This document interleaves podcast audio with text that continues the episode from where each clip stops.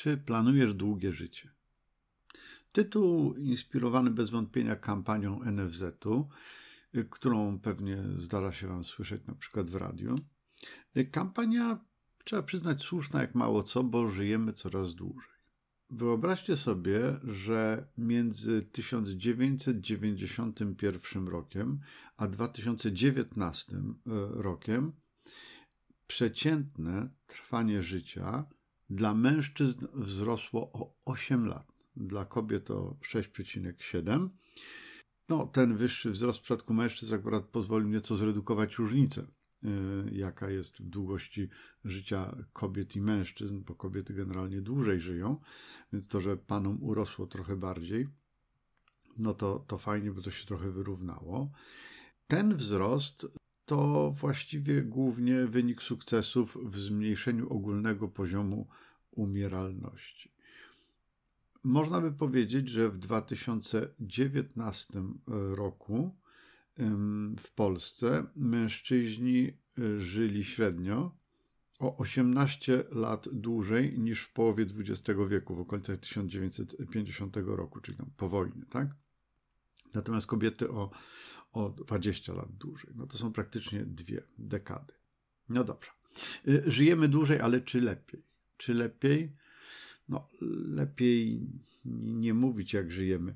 Pokażę Wam dwa wykresy i rzućcie na nie proszę okiem. No to są te nowe możliwości, między innymi e, Spotify'a, no bo na YouTubie zawsze mogliście na coś rzucić okiem, teraz na Spotify'u też możecie. Rzućcie okiem, spójrzcie na pierwszy z nich. On mówi o tym, jak dużo my w Polsce wydajemy na opiekę zdrowotną i zapobieganie chorobom. No i jak widzicie na tym wykresie, my wydajemy mało, bardzo mało. A przecież ten wykres pokazuje nie tyle wydatki w sensie e, ilości pieniędzy, ile wydawany procent PKB, czyli jaką część naszego PKB wydajemy. I teraz zobaczcie, jeżeli Niemcy wydają dwa razy większą część PKB, a ich PKB jest siedem razy większy od naszego, no tak było w 2017 roku, no teraz powiedzmy jest to sześć razy więcej, to tak naprawdę oni wydają 12 czy 14 razy więcej niż my. No okej, okay, Niemców jest więcej, więc te dużo większe, dużo, dużo większe wydatki rozkładają się na większą populację, ale Niemców jest tak mniej więcej dwa razy więcej niż nas.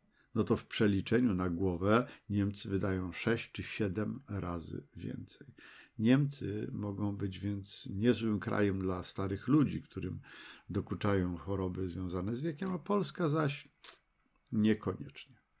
No wszyscy od czasu do czasu potrzebujemy e, lekarza albo pielęgniarki. No to popatrzcie na drugi wykres.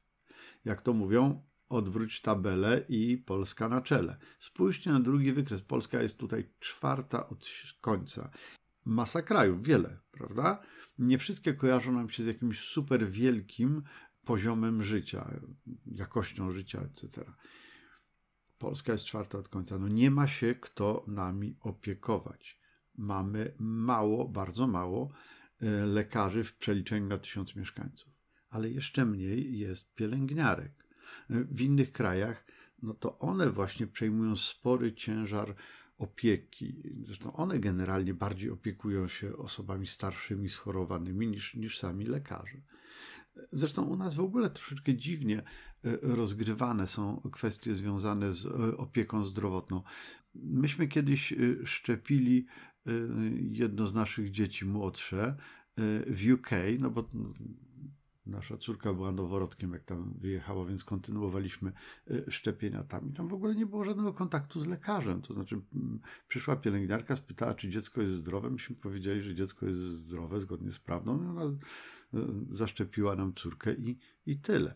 Trochę tam się obijaliśmy w tym UK, no to y, robiliśmy no kiedyś jakieś badania, testy, już nie pamiętam na co, ale to był jakiś szybki test, odczynniki na miejscu, tam tu się paseczek zabarwił tak, tu się zabarwił inaczej, już wszystko żeśmy y, wiedzieli i to było łatwe, proste i wszystko właśnie ogarniała pielęgniarka. U nas to musi być lekarz, który wystawi skierowanie do laboratorium, etc., etc. No dramat troszeczkę, prawda? Zresztą podobnie jest e, ze szczepieniami. No chcecie się zaszczepić na głupią grypę, to teraz się zmienia, ale chcecie się zaszczepić na głupią grypę, to się trzeba umówić na wizytę u lekarza, żeby lekarz potwierdził, że jesteście zdrowi. No, generalnie każdy człowiek wie, czy jest aktualnie przeziębiony, czy nie jest. Tak? Jeżeli jesteś dorosłą, ogarniętą osobą, no to.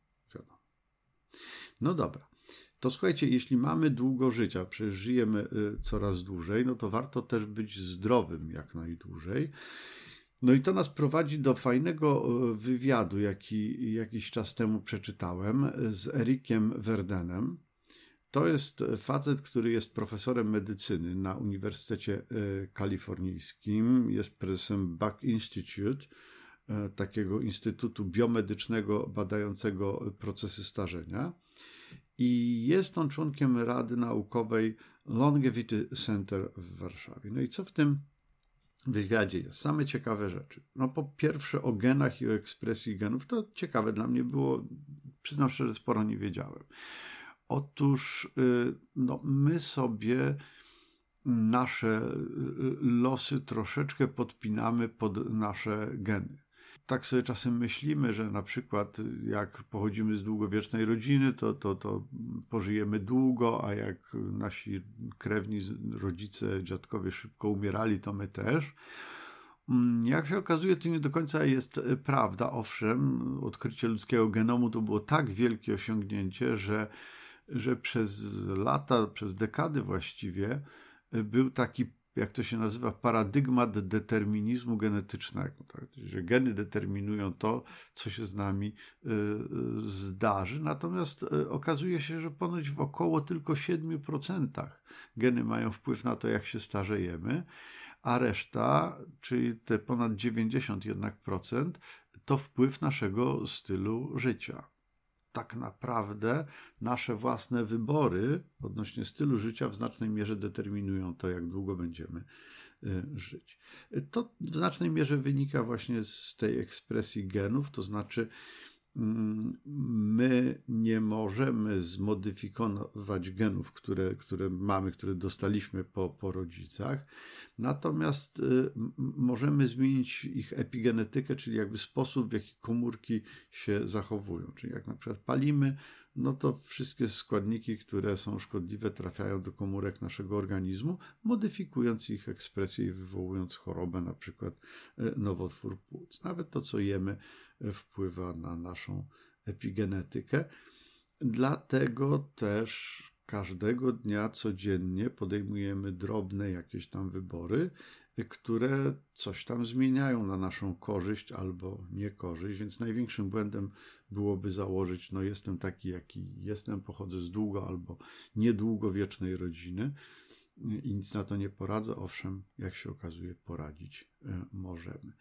Ciekawy też wątek o, o, o diecie sprzyjającej e, długowieczności. Taka rule of a thumb, taka na, najprostsza właściwie porada była taka, że no jeżeli ktoś nie bardzo ma czas komponować jakoś tam tę zdrową dietę albo nie bardzo wie, no to, to tak naprawdę główna wskazówka jest taka, ograniczyć należy węglowodany, polewać wszystko oliwą z oliwek dobrej jakości i to naprawdę robi robotę. Mm, złota zasada zaprezentowana przez e, profesora Verdena brzmi lepiej zjedz masło niż cukierka. Mm, no, to oczywiście łatwiej powiedzieć niż zrobić cukierek smaczniejszy, ale, ale nie, tak, nie tak dobry. E, węglowodany, słodycze y, sprzyjają tak zwanemu dryftowi epigenetycznemu, czyli temu, co nam zresztą pojawia się z wiekiem dość naturalnie. Mm, polega to na tym, że komórki tracą swoją specjalizację, tracą swoją wydajność. Ale właśnie taka zdrowa dieta e, potrafi ten proces mocno e, spowalniać. Jeśli chodzi o długowieczność, czyli co zrobić, żeby długo żyć, to tutaj niezwykle ważne jest, jak się okazuje, żeby pielęgnować relacje społeczne, bo jak się okazuje, nasze dobre kontakty międzyludzkie to jest najważniejszy czynnik, jaki kształtuje długość życia. Dieta i ruch są na kolejnych pozycjach, tak? Czyli e, kontakty międzyludzkie przyjaźnie, spotkania, potem dieta, a potem się ruszamy. Czyli y, profesor Werner mówi, lepiej napić się wina z przyjaciółmi niż w samotności oglądać telewizję na kanapie. No i to mi się podoba bardzo. Ja lubię się napić wina z przyjaciółmi, a więc pytanie, kto z Was, moi drodzy, chce się ze mną napicie wina umówić, żebym w samotności nie musiał oglądać telewizji na kanapie. To byłoby zresztą trudne, bo telewizji nie mam. Y, ale jeśli chodzi o te kontakty międzyludzkie, to ciekawą rzeczą też wspomnianą w tym wywiadzie jest właśnie to, że no, są takie tak zwane blue zones, y, czyli takie y, miejsca, takie lokalizacje, gdzie średnia długość życia jest znacznie większa niż średnia ogólnoświatowa. No i bardzo wiele tych blue zones to nie są miejsca zlokalizowane w bogatych krajach. Jest na przykład Nikoja na Kostaryce, jest Ikaria w Grecji. A jeśli chodzi na przykład o Stany Zjednoczone, które mają tylko jedną taką blue zone w ogóle, jedną, a przecież to wielki kraj, y, to jest to miasto Loma Linda w Kalifornii, które jest głównie zamieszkiwane przez adwentystów Dnia Siódmego. I tam bardzo dużo osób udziela się w wolontariacie. Ludzie sobie bardzo mocno wzajemnie pomagają. To jest taka bardzo mocna e, społeczność. Nikt nie czuje się wykluczony, samotny i tutaj badacze mówią, no i to jest właśnie główny czynnik tego, że tam ludzie żyją e, dłużej. Przy czym, co ciekawe, my tak na dobrą sprawę zupełnie, zupełnie e, nie wiemy, dlaczego te relacje międzyludzkie są takie bardzo istotne dla długowieczności. Natomiast rzeczywiście było takie badanie, na które powołuje się profesor, e, w którym grupę 50-latków śledzono przez lat 20, czyli od 50 roku życia do 70 roku życia. E, badano ich dietę, czy palą, ile palą, jaką aktywność fizyczną uprawiają, jak bardzo. I na końcu to wszystko przeanalizowano. No i właśnie okazało się, że najmocniej oddziałują na długowieczność i na jakość życia relacje międzyludzkie albo rodzinne, albo przyjacielskie. W drugiej kolejności ważnym czynnikiem okazało się posiadanie celu w życiu. No i, i tu można spekulować, że być może właśnie to kwestia jednak jakiejś kontroli, którą nasz umysł ma nad y, procesami fizjologicznymi, takiej kontroli nie, nie, nieświadomej. Tak? Natomiast no, bez wątpienia poczucie szczęścia, jakie czujemy, kiedy spędzamy czas w towarzystwie bliskich nam osób, czy rodziny, czy, czy przyjaciół, no, pewnie oddziaływuje dobrze na nasz organizm, no bo przeciwieństwo tego stanu rzeczy, czyli osamotnienie, stres, no na pewno, na pewno źle. Co do sportu, to niezwykle ważna jest taka aktywność fizyczna, ale to niekoniecznie musi oznaczać takie bardzo aktywne uprawianie sportu. To, jak twierdzi profesor e, Verdun, mogą być też i spacery z psem, i uprawianie ogródka. Po prostu chodzi o to, żeby się ruszać. Fajne, ciekawe badanie tutaj on przywołuje w tym kontekście. Otóż porównano długość życia kierowców oraz konduktorów londyńskich autobusów. Wiecie, to są double deckery, czyli mają dwa poziomy, więc konduktorzy e, kontrolując bilety e, generalnie sporo musieli sobie chodzić, tak? Po tym autobusie i w górę, i w dół, i poprzez pokłady. Natomiast kierowcy no, stale siedzieli, no to jest oczywiste. No i tak, te obie grupy pracują w podobnych warunkach. Mają generalnie ten sam status społeczny, ekonomiczny.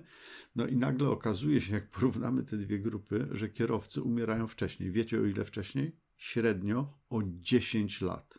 O 10 lat to naprawdę, przyznacie, jest dużo.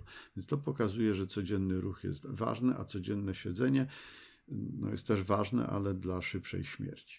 Zasady długiego, zdrowego życia są właściwie dość proste. Trzeba mieć przyjaciół, rodzinę, albo jedno, albo drugie, albo jedno i drugie. Jakiś cel w życiu, do którego dążymy, chcemy, yy, powinniśmy chcieć y, zdrowo jeść, no i trzeba się ruszać. A terapie anti-aging, czyli takie przeciwstarzeniowe, tu ciekawą rzecz yy, mówi profesor Verdun i to sobie powiedzmy na, na koniec. Mianowicie takie są te, te, te kliniki oferują takie programy anti-agingowe. Te programy, żeby były naprawdę skuteczne, powinny być spersonalizowane, no bo rzeczywiście Geny, tak jak wspomnieliśmy, one mają swoje znaczenie. Nie są może kluczowe, ale mają znaczenie. Czyli ktoś ma genetycznie większą skłonność do tego, by um, mieć zawał serca, ktoś inny osteoporozę, ktoś inny otyłość, etc. No i można, y, słuchajcie, w takich specjalistycznych ośrodkach dokonać takiej oceny stanu zdrowia, tak zwanego wieku metabolicznego i genetycznego, no i określić także te pewne zagrożenia wynikające z jakichś tam predyspozycji genetycznych i, i tych uwarunkowań epigenetycznych, czyli związanych z trybem życia, a potem dostać taki plan poprawy zdrowia, taki długo, długofalowy. Czy to jest tania zabawa? Słuchajcie, taka ewaluacja, kompleksowa ewaluacja stanu, stanu zdrowia, po której dostajemy takie tam rekomendacje, w Polsce kosztuje około 5 tysięcy złotych. 5 tysięcy złotych. Oczywiście to nie jest refundowane, więc jeżeli chcesz coś takiego sobie zrobić, no to na własny koszt. No i powstaje pytanie, czy to dużo, czy nie. Ja bym powiedział tak, no jeżeli ktoś sobie kupuje iPhone'a, to taka ewaluacja stanu zdrowia chyba droga nie jest, bo to jest tyle, ile twój e, iPhone, a dzięki niej masz szansę pożyć dłużej. No ciekaw jestem, czy ktokolwiek z moich tych nieco starszych słuchaczy przeszedł już taką ewaluację stanu zdrowia. Studenci to wiem, że nie.